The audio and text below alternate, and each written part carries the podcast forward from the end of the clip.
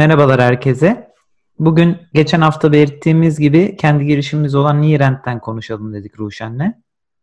Bu fikir nasıl çıktı? Bu fikri nasıl uygulamaya koyduk? Hangi yollardan geçtik? Yatırımı nasıl bulduk?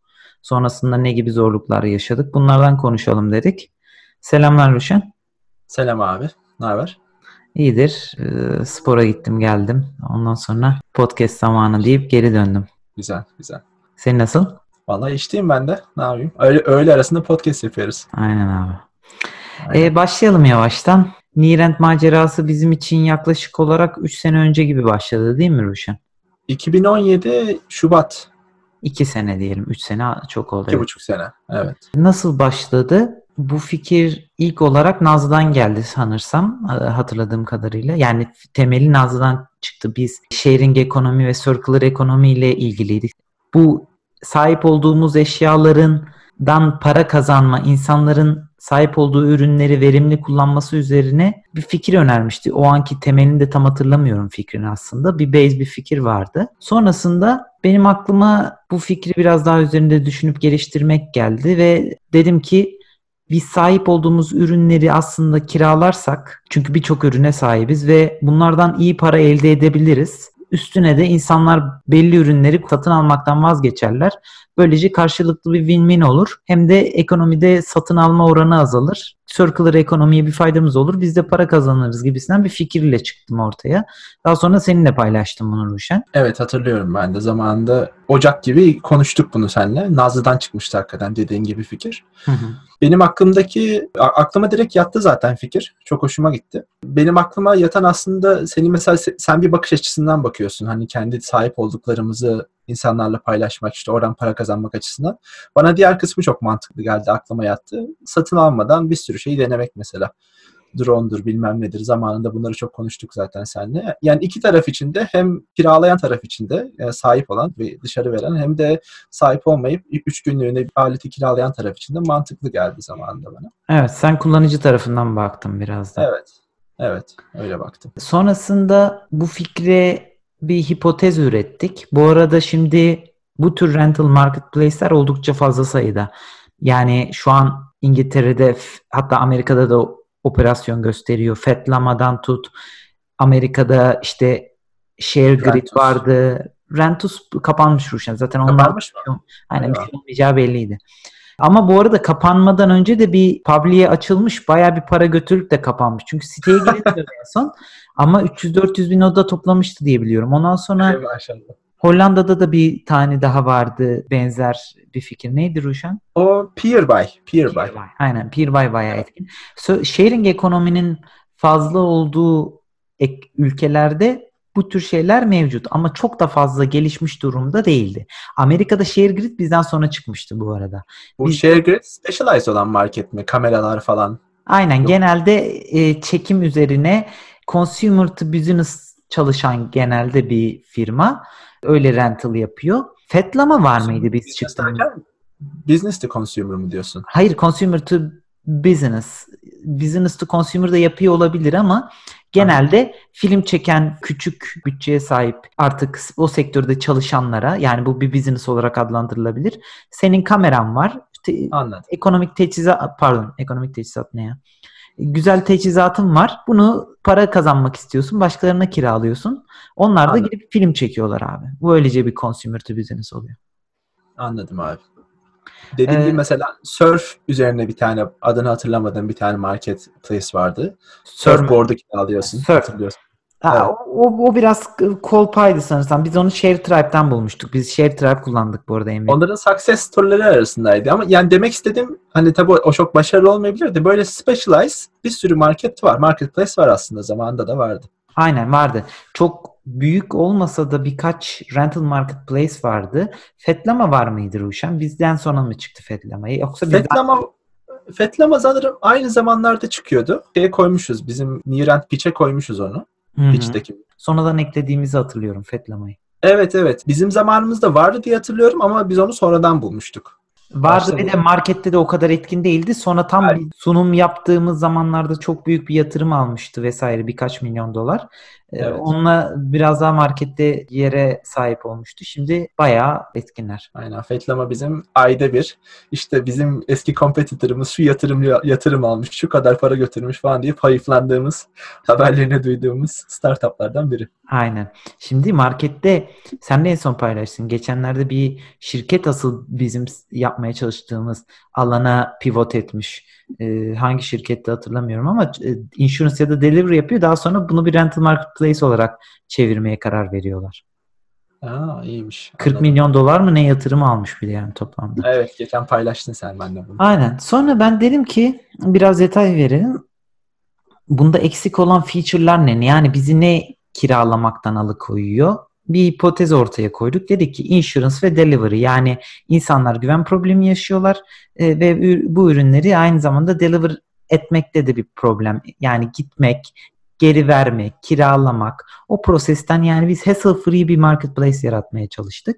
Bunun üzerine çeşitli market survey'ler yaptık ve bir prototip oluşturmaya karar verdik hipotezimizi ortaya koyduktan sonra. Bu prototipi de kolay yoldan yapmaya çalıştık değil mi Ruşen? ShareTribe diye bir şey bulduk. Marketplace hem parayla subscribe olabildiğin hem de kodu açık rental marketplace yapmanı sağlayan bir proje, bir şirket. Rental, satın alma marketplace'i yani orada bir şey oluşturuyor. Online bir platform oluşturuyor. Bunun içine ödemeler falan da dahildi zamanında. Free open source olan versiyonunda bizim kullandığımız versiyonunda ödeme sistemi yoktu ama kendi sundukları hizmette vardı mesela. Biz o ödemeyle çok uğraştık. Hatta para vermek istemedik. E, Stripe'ı evet. kullanmak istedik. Onu eklemeye çalıştık vesaire. Bayağı bir vakit kaybettiğimiz olmuştu onunla. Ama bizim evet. için iyi bir başlangıç noktasıydı. Çeşitli zorluklar yaşadık. Site çok customizable değildi. Şundan dolayı customizable değildi. İkimiz de Ruby bilmiyorduk. Ben daha çok web kısmı ile ilgileniyorum sitenin. Ben Ruby bilmediğim için e, artık HTML'den arayüzleri Ruby'den biraz anlayabildiğim kadarıyla kaç fonksiyonlar ekleyip çıkarmış isteğimiz doğrultusunda da küçük şeyler, design değişiklikleri gibi şeylerle kendimize bir prototip üretmeye çalıştık. Hatta bence Lean Startup mantığına göre biraz gereksiz de vakit kaybettik. Bu hayıflandığımız en büyük noktalardan birisi bu. Yani user feedback almadan biz tasarımla vesaire bayağı bir vakit uğraştık. Aslında ilk versiyonu bir ayda falan çıkardık yarı zamanlı çalışarak. Bence o gayet iyiydi. Ama tabii bunun içinde ödeme yoktu. İşte bas, başka customization'lar yoktu. Biz daha sonra ne yaptık? Doğru düzgün feedback almadan aylarca işte bunu Aa, bunu güzelleştirelim buradaki resmi büyütelim, şu ödemeyi ekleyelim bilmem ne diye diye bir sürü vakit kaybettik bunda o konuda. Site haklısın. bize güzel göründü. Biz siteden çok memnun kaldık ama kullanıcı sayısı artmadıktan sonra site güzel olmuş. Ne yapacaksın? Lean Startup mantığına tamamen aykırı bir şey. Kendi kendini tatmin edersin işte böyle. Neyse bu arada benim arada ben kronolojik sıraya göre anlatmaya çalışıyorum ama unuttuğum yerler falan olursa girip abi düzelt veya eklemeler yap yani. Yani ufak bir şey ekleyebilirim. Hemen differentiation nasıl e, onu, onu hemen bir e, gireyim araya. Mesela peer buy zamanında bizim competitor'ımız nasıl çalışıyor? E, atıyorum çok verilen bir örnek var mesela. Matkap arıyorsun. Arıyorsun peer, peer buy sitesine girip matkabı arıyorsun. İşte 2 kilometre ötede bir tane e, evde buluyorsun mesela. Gidip onu oradan önce o kişiyle iletişime geçiyorsun. Sonra evine gidiyorsun. Matkabı alıyorsun. Geri evine geliyorsun. işini hallediyorsun. Daha sonra matkabı tekrar geri götürmen gerekiyor. Online bir şekilde de parayı ödüyorsun. Hani e, o anki bizim kompetitörlerimizde sistem böyle işliyor. Biz ne yapmaya çalıştık? Dediğin gibi bunun içine her şeyi yani e, her şeyi otomatik hale getirmeye çalıştık. İşte ben matkap arıyorum. Matkap hani ucuz bir şey. Belki bunu yapmazdık ama bu örnek içinde matkap arıyorum, buluyorum e, çevremde. Biz bunu Nierent olarak, kendi şirketimiz olarak gidip o kişiden alıyoruz, sana getiriyoruz. Sen işini hallediyorsun. Daha sonra biz gelip senden geri alıyoruz. Geri, ya o kişiye geri götürüyoruz ya da kendi depomuza koyuyoruz. Hani daha sonra kolay erişim için. Bizim differentiation'ımız buydu. Doğru. Zamanında. Evet biz bunu implement etmeye çalıştık. Biz yani. bunu şu yollardan da çözmeye çalıştık. Dedik ki insurance ve delivery bizim için en önemli feature'lar. Biz bu insurance ve feature'ı kendimiz halledemeyiz. Çok pahalıya gelir. Yapamayız. İş gücü gerektirir delivery. Insurance da zaten para gerektiriyor. Biz bunları partner bulalım kendimize diye bir partner arayışına girdik. Ayrı şirketlerle, başka şirketlerle görüşmeye başladık. Evet. Değil mi? Orayı da bahset istersen biraz. Hatırladığın detay var mı? Hatırladığım detay e, tabii üç, üç farklı lojis, bizim lojistik ağımızın diyelim ya da sistemimizin üç farklı e, birimi var. Biri eriş, e, getir götür işlerini yapan kurye işlemi. Onun için sanırım Streetstream diye bir startupla görüşmüştük zamanında hatırlıyorsan. Evet. Onlarla gittik görüştük işte anlaştık prensipte. Hani işler başladığında oradan yürüyeceğiz falan diye. Onun dışında e, Hiscox'la görüştük e, insurance için. E, işte ürünleri sigortalamak için sonuçta biri kiraladığında ürüne zarar gelebilir, kırılabilir veya çalınabilir. Onu, onu sigortalamak için. Bir üçüncü de e, Parcel Force'la mı görüştük ya da on, Parceli mi öyle bir şirketle görüştük. Bu da e, onların locker'larını kendimiz kullanacağız işte şey depolamak için. Aynen. Ürünü bizde kaldığında orada depolayacağız. Bu, bu üç tane, bu üç partnerle görüşme yaptık o ara.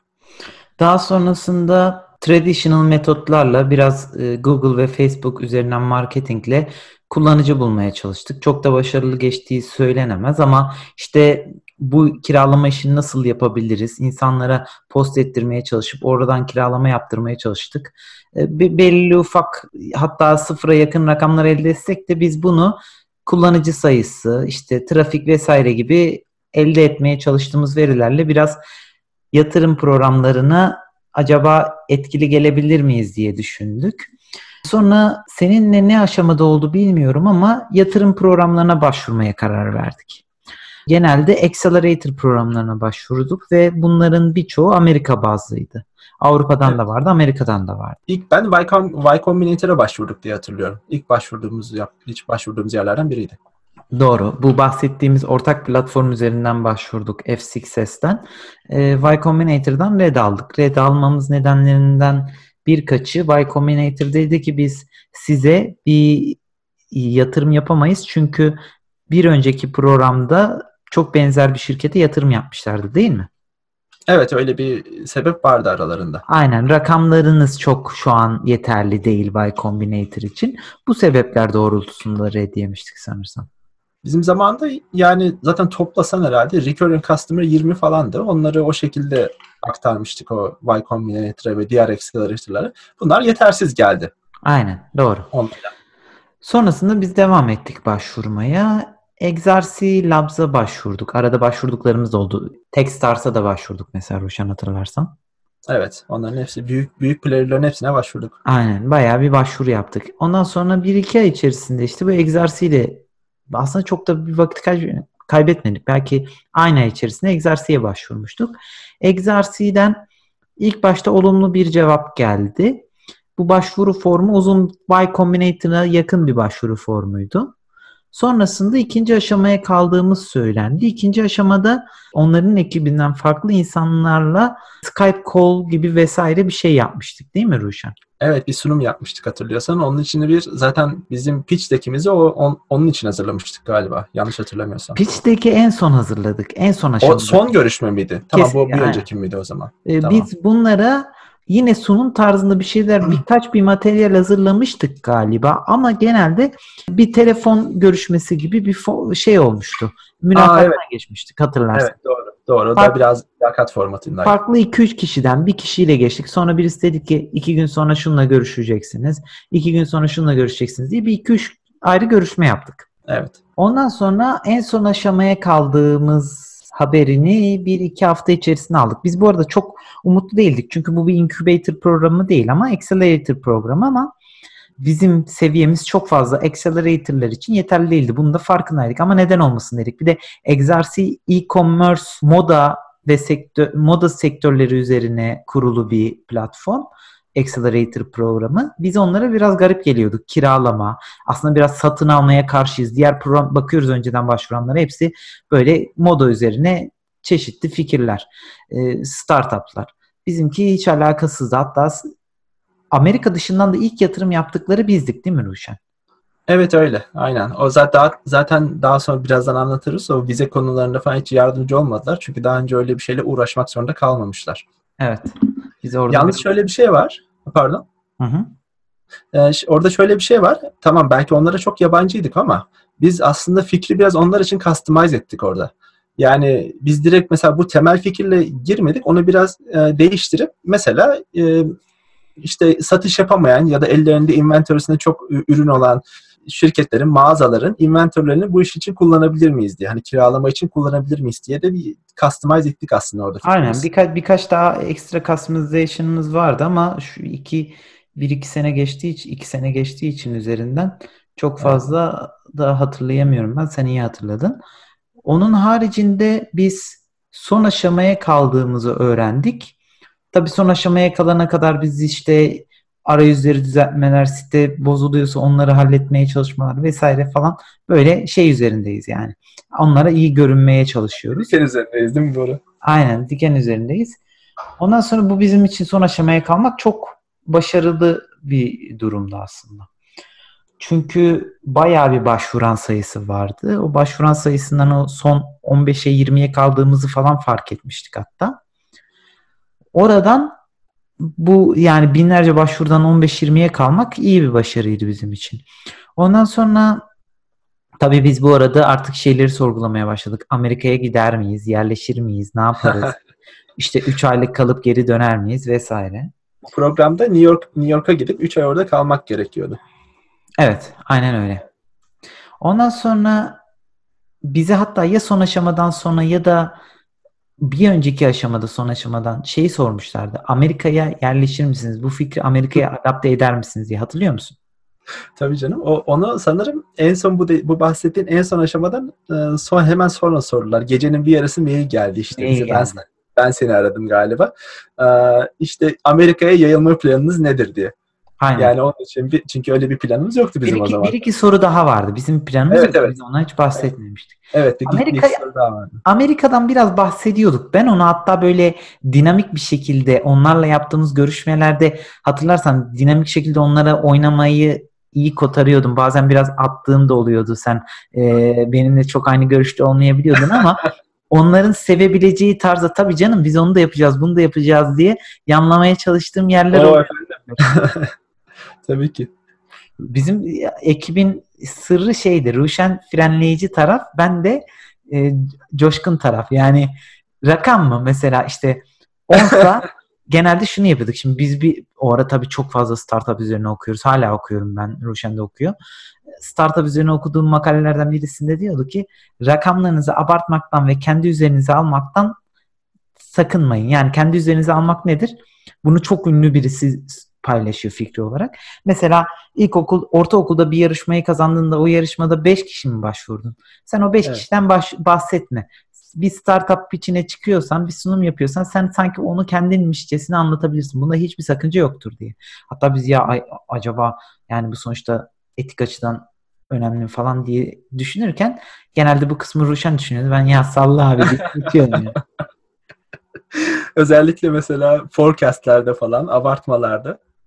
Kesinlikle. Ya, ama bizim seninle orada çok iyi bir dinamiğimiz vardı aslında bence. Ben biraz seni aşağı çekiyorum, sen beni biraz yukarı çekiyorsun. Ortada buluşuyoruz. Yani mesela ikisi de benden olsa çok sıkıcı bir startup olur abi. Hiç Aynen. kimse ne para vermez bir şey vermez yani. İkisi de benden olsa ben binlerce kullanıcımız var diye tutup kendimi böyle tut, tutamayıp daha doğrusu böyle bir şey paylaşıp sonra kendimi büyük bir riskin altına sokabileceğim bir startup'ı Evet.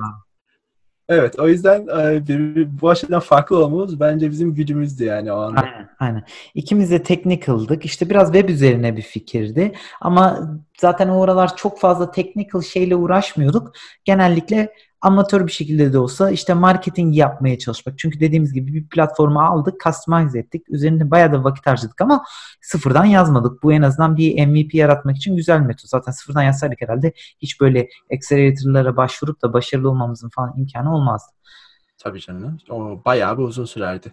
Kesinlikle. Bence bu en önemli şeylerden birisi. Biz bile bunda kendimizi çok suçluyoruz. Ben ne startuplar görüyorum. Sıfırdan yapmaya çalışıp çok vakit kaybedip hiç customer feedback almadan bu işleri yapmaya çalışan.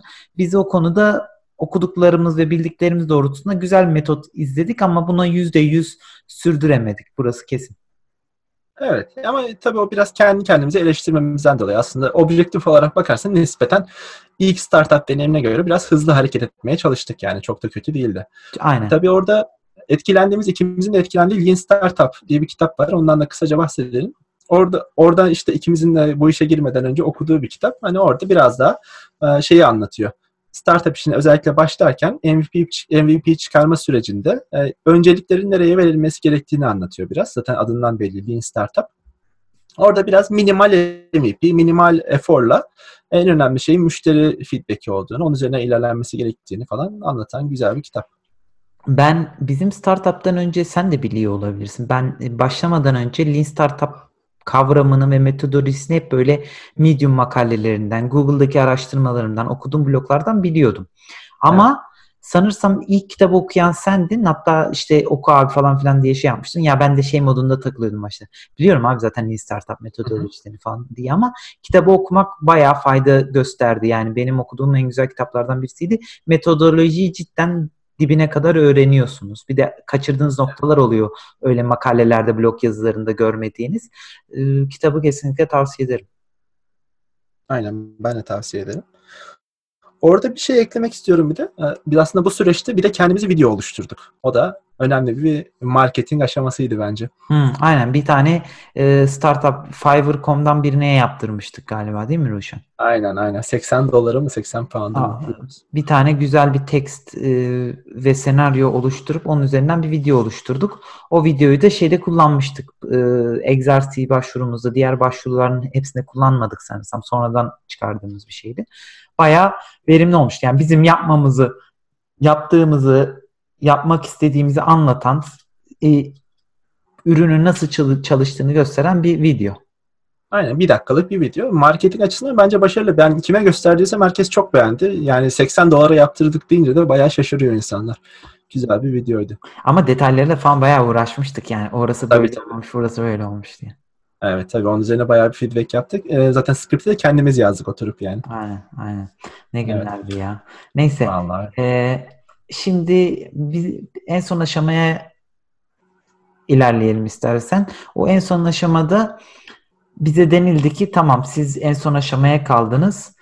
Bu pitch e, oluşturmanız gerekiyor bir tane ve bize sunum yapmanız gerekiyor belli bir tarihte. Ona da bir hafta gibi bir süremiz mi ne vardı sanırsam. Sonra evet. bayağı bir sunum üzerinde uğraştık biz. İşte o ara artık ilk defa şeyleri görüyoruz. İşte bir pitch deck nasıl hazırlanır? Bunu yapan çok ünlü şimdi artık herkesin dilinde, herkesin beyninde olan bazı büyük şirketlerin startup pitchleri var. Onları bulduk. Şimdi herkes biliyor bu pitch deckleri. Onlardan kopyalayıp hatta kopyaladığımız Airbnb'di sanırsam. Direkt Airbnb'nin formatını alıp kendimize uyguladık ya. Doğru. Zamanında. Yani biz ama kendimizinkini çok başarılı görüyorduk. Millet onu bile yapmıyordu. Bazı piştekler görüyorduk. Çok başarısız oluyordu. Biz biraz niyeyse oldu abi bu iş yaptık ya güzel görünüyor falan diye altıyorduk kendimizi. Bence abi bence bizim yaptığımız şimdi e, şey hani çok kendimizi övmek gibi olmasın ama bence benim yani hazırladığım en güzel sunum şu ana kadar. Değil mi? Üzerinde bayağı uğraştık. Çok güzel gözüküyor falan. Yani çok başarılıydı. E ben şimdi şeye bakıyorum benim katılacağım entlerdeki sunumlara. Onlara falan bin basar yani. Biz hatta izleyince nazile diyoruz ki aa bu ne ya bunlar ne falan diyoruz. Cidden kötü startuplar var yani. O yüzden e, bence... Her şey var şimdi. Takımın yap- bilgisi var şirketin overview'u var, forecast'lar var. Tüm investorlara parayı nereye harcayacağım bilmem ne bir sürü bilgi var yani. Bir de biz bu rakamları oluştururken ya da işte o verileri oluştururken çok da fazla aman yapalım geçelim modunda takılmadık. Çok detaylı uğraştık ve anlaşamadığımız noktalar işte çünkü overcast edeceksin bir rakam. Hangi modele göre overcast etmen gerekiyor? E, tutarlı mı, tutarsız mı? Çok mu abartıyor rakamı? Şimdi mesela görüyorum işte 500 bin 700 bin dolar yatırım istiyor rakamlar ya diyor ki bir sene içerisinde marketin %20'sini nereye geçireceğim diyor. Yavaş sen nereye geçiriyorsun yani %20'yi? Biz bu konularda hem gerçekçi olmaya çalıştık hem de evet. Hedeflerimizi belirttik. Bence güzel rakamlar, güzel veriler yakalamıştık o sonunda. Evet. Bunu söyleyip duruyoruz. Yani linkini vereceğiz ben de. Bunun hakikaten linkini koyacağım description'a. Koy, koy Ruşan. E, videoları da ben upload ediyorum. Unutturma koyayım ben. tamam, tamam. Koyalım. Ben, yok, ben yoksa unuturum abi. Ee, onun haricinde bu arada vid- koymasak mı ya riskli bir iş mi yaptık? Millet sunumu sonra şeye sokmasın. Yerin dibine sokmasın. Abi yok artık. Neyse. Güzel, feedback'i kapatırız o zaman. Yatırım almış adamları sonuçta kötü deseniz ne olur demeseniz ne olur. Parayı veren vermiş. Aynen. Neyse e, işte son aşamaya kaldık. sunum için Birmingham'da bir araya geldik. Ben Londra'dan Birmingham'a geldim. E, tabii oralar çalışıyoruz vesaire artık işten izin aldım mı geldim. Bir şeyler oldu. Hafta Evet. sonu mu yaptık? Gittik sonra aş-. Aşırı bir heyecanlıyız. Böyle duvarı notlarla kapladık. Saatlerce hazırlandık. O işte KPI'leri sorarlarsa bu rakam şu rakam falan filan diye. Çünkü sunum yaptıktan sonra bir 10-15 dakikada bir soru cevap kısmı vardı. Evet evet orada bayağı bir hazırlandık. Bayağı Benim bir- eski evdeydi, stüdyodaydı galiba. Orayı duvarları donattık falan dediğin gibi bayağı hazırdık yani her şey için. Sonra sunuma çıktık. Sunuma çıktıktan sonra e, yaptık. Gayet güzel bir sunum yaptık. İki kişi paylaştık. Ha bu arada sana şeyi unuttuk. E, en başında da bir video çekmemizi istemişlerdi. Kendi ikimiz ben İzmir'den sen İngiltere'den iki Evet. ayrı video çekip birleştirip yan yana işte solda ben sağda sen öyle bir video hazırlamıştık değil mi Ruşen? Aynen evet. Kendimizi tanıttığımız videoydu galiba o da zamanında. Aynen. İki, bir, iki, bir iki dakikalık bir şeydi. İki dakikalık bir şey. En son sunuma çıktık ve sunuma çıktıktan sonra böyle bağlantı kalitesi de kötüydü. 4-5 ayrı yerden bağlanan insanlar falan vardı hatırlarsan sunumda. Evet. Yani sen şeyden dolayı şüpheye düştün. Yeterli soru gelmediğini düşündün. 2-3 tane soru geldi. Böyle takır takır takır yaptık sunumu. Bir iki tane soru geldi. O soruları da cevapladık yani hakkıyla ama sonra bitti. Sonra biz böyle tabii bitti artık geçti falan şey yapıyoruz yani e, mutluyuz ama bir yandan da ne yapacağımızı bilemez durumdayız. Pub'a gittik falan hatta Nazlı var ben varım sen varsın. Evet. Evet takıldık ondan sonra. Orada ben geçen onun videolarını izledim bu arada Ruşen. Bir foto Google Fotos şeyi düzenlemesi yaparken ona rastladım. Sen umutsuzsun abi. Ben de aksine çok umutluyum. Onu hatırlıyorsun değil mi? Bu hangi videodan bahsediyorsun? Pub'da, pub'da çekmişim işte. Diyorum ki Ruşen hazır mısın? 125 bin dolar geliyor falan filan diye. Abi video bende yok ya valla. Ha ben çekip vermemişim sana demek ki. Paylaş. Bana vermedin yani. Sen o gün şüphedeydin. Çünkü bu şüphede kalmandaki neden şuydu. Soru sormadılar abi. ilgilenmediler yani. İlgilenselerdi çok soru gelirdi dedin. Ben de aksine yani abi satisfy olmuşlar demek ki deyip böyle bir yani ya neyi kötü yaptık ki niye bizi elesinler yani şu dakikaya kadar geldiğimizin üzerine de koyup bir sunum yaptık. E zaten fikri beğenmeyecek adam o dakikadan o dakikaya kadar getirmez. Yani fikri beğenmeyecek adamlar olmam olmaları ihtimalini çok düşünmedim ve olumlu düşünüyordum. Evet ben orada kötü, e, tipik kötü, kötümserliğimi e, edinmişim demek ki. Yani tekrar oradan devam ediyorum yani. Hatırlıyor musun? Hatırlıyor musun? Hatırlıyorum da tabii video bende yok şu anda. Yani tam ne dedim hatırlamıyorum ama ya o zaman e, sonrasında mesela çok kötümser olduğumu hatırlıyorum. Çünkü soru gelmemiş bir şey. Yani kimse ilgilenmemiş gibi geldi o anda bana. Değil mi? Evet. Neyse çıktık sunumdan. Ee, ondan sonra bir hafta sonra mı ne mail aldık. Kabul edildiğimize dair. 10 ekip kabul edilmiş idi Evet. şeye. Ee, işte Amerika dışından bir tek biz vardık. Böyle böyle şartlar bunlar. İmzalayın bunları gönderin vesaire. Ee, kabul aldık. O zaman işte biz böyle macera dolu Amerika videoları çekeriz. O şunu yaparız, bunu yaparız diye hayaller kurmaya. Aynen. Ben diyordum bir tane Rafet Erroman'ın e, şarkısına yeni bir klip mi çeksek Ruşen bir araba kirala araba kiralayıp diye. Ama tabii Amer- Benim Amerika'ya aklımda hemen Mustang kiralama, üstü açık gezme falan planlar var yani. 3 ay 3 ayı dolu dolu yaşayacağımızı düşünürken bir problemle karşı karşıya kaldık. Vallahi öyle. Problem neydi? İstersen bahset biraz. Abi sen de Ağlıyor işte- musun? Ruşen bir mutsuz oldun galiba. Özelim doldu bir an bir saniye. Biz seninle hemen tabii Amerika'da vize almak için randevu aldık. Bu program başlamadan bir hafta önce falan. Ya yetişir gideriz falan diyoruz. Gittik oraya işte. Ee, e, elçiliğe gittik. Bekledik. Bu arada sözünü kesiyorum. Bir şeyden bahsetmem gerek. Ben işi bıraktım. Ee, evet aynen. Sen doktoraya devam et. Çünkü şöyle benim notice period'ım 3 aydı. Evet. Ee, bana da geçen de Nazlı'ya onu bahsettim. Ya acaba ayrılmadan araya çıkmayı mı sunsaydım diye Nazlı geçmiş hesaplanıp kalıyorsun diye bana bir kızdı falan böyle. Çok mutlu değildim iş yerimden zaten. Ee, ve bir bahane de arıyordum. Ama 3 ay notice period. O 3 ay notice period'ı imzalarken işte böyle anları çok fazla düşünmüyorsun. İçer, içim çok sinmemişti ama dedim ki ben böyle böyle bir startup programına katılacağım. Kabul ederseniz erken ayrılma istiyorum. Onlar da İşte ara al istersen vesaire ya hatta üstüm dedi ki benim ya şey olursa ne olacak bir aksilik giderse vizeyi alabilecek misin? Ya adamın içimin içine mi doğmuş nedir? Şu an konuşurken bir ama vize ya vize çıkmazsa bana şey demişti ya ben turistik başvurdum bir kez İngiliz o da yani red aldım öyle bir durum ya bizde her türlü doküman olacak sen kafanı takma modunda takılmış. Çok iyi.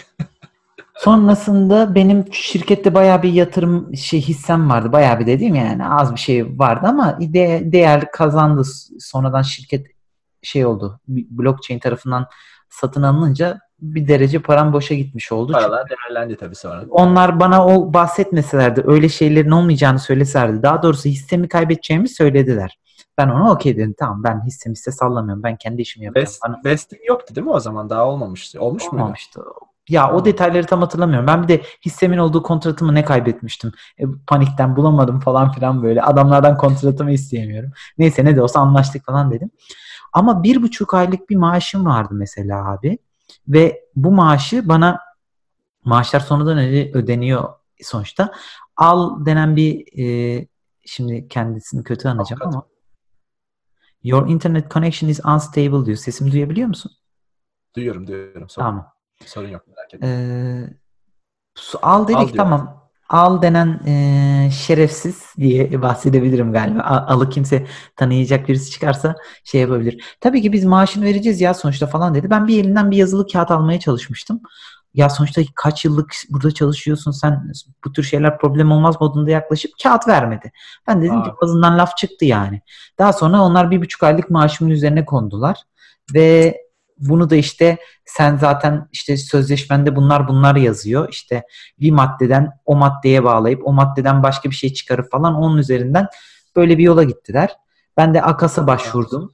O AKAS konusunda da belki ilerleyen şeylerde başvururuz. Yani iş iş konusunda bir problem yaşarsanız şey yapabiliyorsunuz. Böyle başvurabildiğiniz, hakkınız yenirse başvurabildiğiniz bir kurum var İngiltere'de.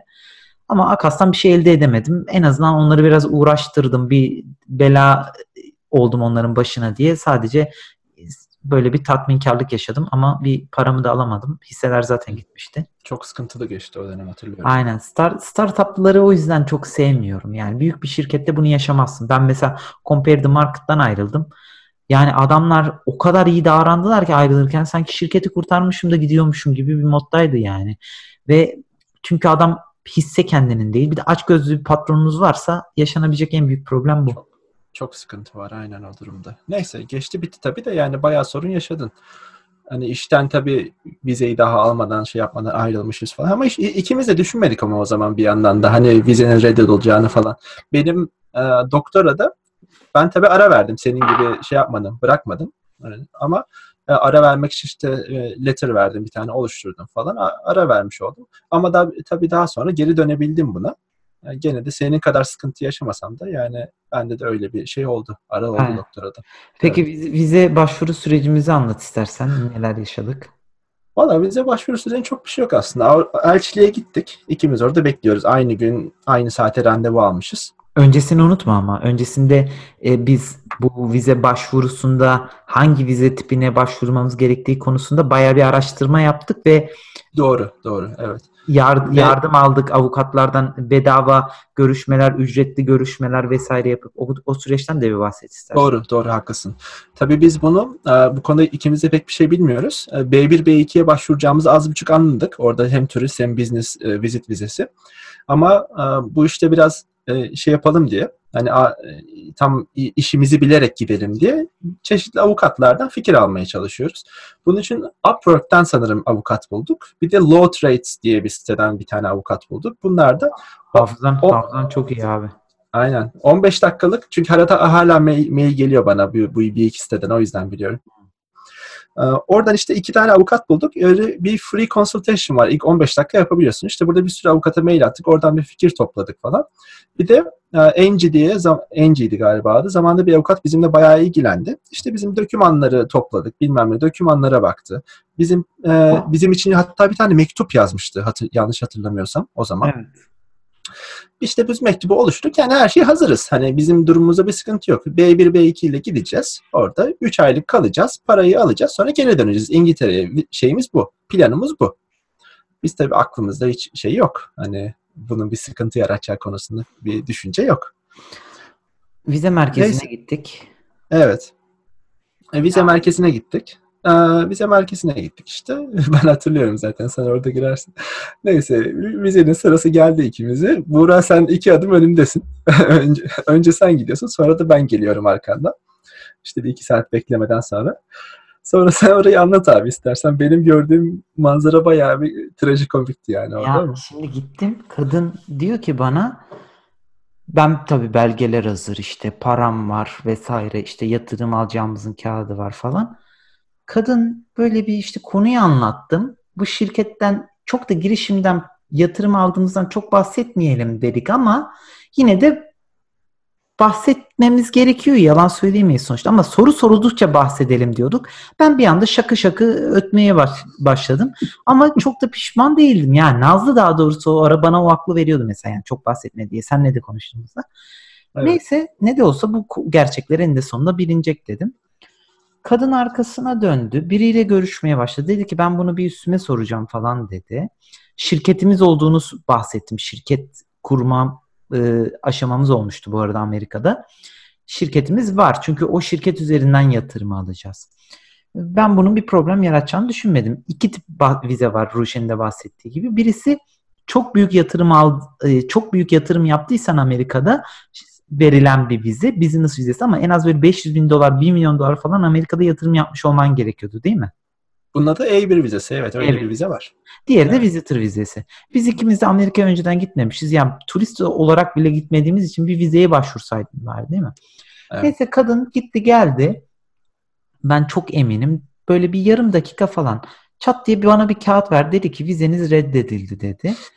Ben görüştüm. Niye? İşte e, şirket kurmuşsunuz. Bu sebeple bu vize tipine başvurmak için turistik e, amaçla başvurmanız gerekir. Ben işte o ara işte 3 aylık gidiyoruz işte nasıl olur falan filan diye bir yandan da elim ayağım boşalıyor. Böyle bir şey yok. Yani öyle bir kararı beklemiyorsun. Kadın anlatmaya Evet. çalışıyorum. Kadın diyor ki e, bakın ben sizinle şu an artık bu konuda konuşamam. Bir şey diyemem. Karar değişmeyecektir. Karar verilmiştir. Bla bla bla bla. Böyle kaldım. İşte ya işte paramız gidecek. Para alamayacağız. Yapmayın etmeyin falan diye ablayı yakarır moddayım. Abla diyor ki bir sonraki kişiyi almam lazım. Yani bir 7-8 dakika bile sürmedi hatta. 5 dakikada red aldım yani. Yok ya ben hatırlıyorum yani 5 dakika falan maksimum. Kesinlikle. Ondan sonra ben böyle bir perişan halde çökmüş bir şekilde oradan geri döndüm. Ya bir de o kadar umutluyum ki bir, o ablayı da hatırlıyorum. Önümde Japonlar vardı. Japonlar vizeyi 30 saniyede aldılar. Tamam mı? Turistik amaçla gidiyorlar Evet. belli. Allah dedim bu ablaya geleyim de bu abla versin vizemi gideyim. O ablaya geldim. O abladan bunu yaşadım yani düşün. Aynen öyle. Ben Ondan sonra hatırlıyorum. Sen Ruşen'in çıkarken bana kaş göz falan yapıyordun. Kaş göz değil hatta söyledim. Dedim ki abi sakın şirketten bahsetme Ruşen. Yatırımdan bahset. Sonra ben çıktım yani. Çıkıyorsun yapacak bir şey yok. Bir 10 dakika falan 15 dakika dışarıda bekledim. Dedim ki en azından Ruşen alsın gitsin programa. Ben İşte sonra bir- para para bizde kalsın değil mi? aynen bir yolunu bulurum giderim. Tabii Evet. sonra ben dedim ki Ruşen'e bahsetme bahsetme. Ruşen çıktı aradı beni. Abi ben de red aldım. Dedi, telefonda istersen bahset oradan. Sen de şirketten direkt bahsetmiştin galiba yatırımdan. Abi bana çünkü sen benden iki dakika önce gittiğin için ben de aynı kadına denk geldim zaten. Yani şey yapıyor. Hani kadının aklında yani böyle bir şey. Ben dokümanları verdim. İşte niçin gidiyorsunuz? Accelerator program der demez abi. Ha dedi bir zaten. Ondan sonra ben bir içeri gideceğim dedi. Yani dokümanlara falan bile bakmadı artık. Şirket kurduk mu kurmadık mı ona bile gelemedik. Yani direkt Accelerator programı bahsettiğim anda içeri gitti abi. Herhalde aynı danıştığı kişiyle ha bak bunun da ortağı geldi diye konuştular. Bir dakika sonra bana da döndü. Ya sizi reddedildi dedi. Hadi sizi şöyle alalım dedi. İşte birkaç soru sormaya falan çalıştım ben. Zaten orada böcek gibi davranıyor öyle sana yani. Çok çok çok kötü davranıyorlar. Hani hemen git yani orada istenmediğini belli ediyor orada kadın işte. Hani gitmezseniz güvenlik çağıracağım dedi. Ben de dedim eyvallah o zaman çıkayım yani. Hadi ya Sen sana de- öyle dedi. Abi iki, hayır anlamaya çalışıyorum. Yani sebep var mı? Bir şey verecek misiniz? Hani re- reason verecek misiniz falan diye. Birkaç soru sorunca böyle şey yaptı bana zaten. Huylandı. Hmm. Ee, çık sizi dışarı alın dedi. Yoksa güvenlik çağıracağız falan dedi. Aldılar yani çok. Ee, sonra seninle buluştuk zaten 5 dakika sonra. Very sad experience. Ş- abi şey e, bu Red'i aldığımızda almadan da şunu fark etmiştik. Yani Amerika'nın bu kadar çok yatırımın göbeği olup böylesine bir durum yaşatması da çok absürt bir şey. Yani startup için dışarıdan gelen çok fazla var ve bu gelen insanlar biz bayağı bir Türkiye'den e, insanla da görüşmüştük birkaç tane bayağı demeyeyim de Amerika'ya gidip bu accelerator programlarına katılan kabul alan. Onlar da yani bir metodoloji uygulamışlar ama ya önceden vizeleri var ya vizeye başvururken bir şeyler olmuş yani random yürüyor diyebilirim de biraz işin açıkçası. Belki benim mesela red almamda istifa edip o an işsiz olmam ama Amerika'da şirketimin olması da yani neden de söylemediler. Nedenini de bilmiyoruz. Sadece bildiğimiz Amerika'ya bu tip vizeyle gidemiyorsun. Startup programı 3 ayda olsa 5 ayda olsa diye reddettiler anında. Bence zannetmiyorum ya. Zaten dokümanları öyle bir şey olsa mesela belki 2-3 günlük doküman bakma süresinden sonra dönerlerdi sana. İşte ha bu arada işte, dokümanlara hiç bakmadılar zaten. Seninkilere de bakmamışlardır. Yani. Sözlü konuşmalar ediyerek. Yani benim elimde ne kadar ya bakın diyorum param var ya benim ben parasız değilim falan moduna girmeye çalışıyorum. Doküman uzatmaya çalışıyorum. Dokümanları almadılar, bakmadılar. Aynen öyle. Verbally red yedik. Zaten genelde Amerika'da öyle oluyormuş. Ee, ve ondan sonra gidemedik çeşitli metotlarla işte Incube, e, Accelerator programına dönüş yapmaya çalıştık. İşte çeşitli metotlarla biz gelmeye çalışacağız. Vizeye yeniden başvuracağız falan diye. Yüzerek geleceğiz falan. İşte diye. sonra vize başvuru tarihi yok vesaire. Sonra bir 2-3 hafta bekletmek durumunda kaldık. Daha sonra onlar dediler ki bakın program başlıyor. Bu arada zaten tight bir schedule'a sahiptik. Evet dar bir takvime sahiptik daha doğrusu Türkçe söylemek gerekirse. 2-3 hafta geçti ve Ondan sonra e, dediler ki biz sizinle olan anlaşmayı reddediyoruz ve Aynen. kusura bakmayın e, size başarılar. Bir sonrakinde yeniden başvurun moduyla bize yaklaştılar. Hatta Ruşen'le biz bir Ruşen daha doğrusu ya bunlar bize zaten yardım etmedi. Biz bunlara bir atarlı cevap verelim diye şeyimiz vardı hatırlarsan. Orada ben bir bayağı sinirlendim zaten. Atar, bu defa da sen beni biraz aşağı şey yaptın aslında sakinleştirdin herhalde orada. Ben bayağı atarlı bir cevap yazdık diye hatırlıyorum, yazdım diye hatırlıyorum. Daha sonra onu biraz yumuşatarak işte hani sonuçta haklısın ama hani e, oradaki argüman ileride biz bunlarla tekrar iş yapar mıyız? Tekrar bir yere geliriz. Sonuçta business dünyası çok çok Aynen. büyük. Ha, biz 6 ay sonra bir daha başvurmayı düşünüyorduk. Sen o kadar evet, mutlu o da var. bekli değildin. Ama ben yani reddetmeyelim, o kapıyı kapamayalım. Sen başka programlara başvurman vesaire kafasındaydın. Ben orayı kapatmak istemiyordum. O yüzden evet. öyle bir sıcak yaklaşımı çok bozmayalım dedim adamlarla ama hmm, öyle bir defterimiz oldu egzersiyle ve sonunda elimiz boş bir şekilde ayrıldık. Aynen öyle. Yani gene de sonra da bir 6 ay sonra tekrar başvurduk diye hatırlıyorum ben bunları ama. Başvurduk, başvurduk ve red aldık. Neden red aldığımızı çok bilmiyoruz ama red aldık. Evet. Kişilerle görüşme yaptık. Belki o zaman beğendikleri fikri 6 ay sonra beğeneceklerinin garantisi yok. Bu da bir sonuçta market de değişiyor. Evet market değişti. Belki bize benzer başka bir şirket vardı, competitor vardı bilmiyorum. Ondan sonra red aldık. Haklısın. Doğru. Öyle. Ondan sonra herhalde sonrasında çok fazla şey yapacak bir şey yok aslında. Birkaç ay daha devam ettirmeye çalıştık bu, iş, bu işi. Tabii e, benim doktora tekrar araya girdi falan. Orada bir ara vermem gerekti bilmem ne. Sen biraz daha çok uğraştın sonraki sürede. Ama yani önceki gibi e, motivasyonumuz yoktu artık sonrasında. Evet. Hani bu zorlama, zorlama yürüdü biraz. Evet biraz zorlama yürüdü galiba. Ondan sonra zaten e, birkaç ay sonra da işlemleri bitirip Startup'ın sonuna, sonuna gelmiş olduk. Bugünlük bu kadar Aynen. diyelim. Daha fazla detay veya soru soran olursa bahsederiz. Yeterince konuştuk. Hatta beklediğimizden fazla konuştuk. Bu story'nin böyle sonuna geldik diyelim. Evet, aynen. O ağzına sağlık. Senin de ağzına sağlık abi. Görüşmek üzere. Görüşürüz.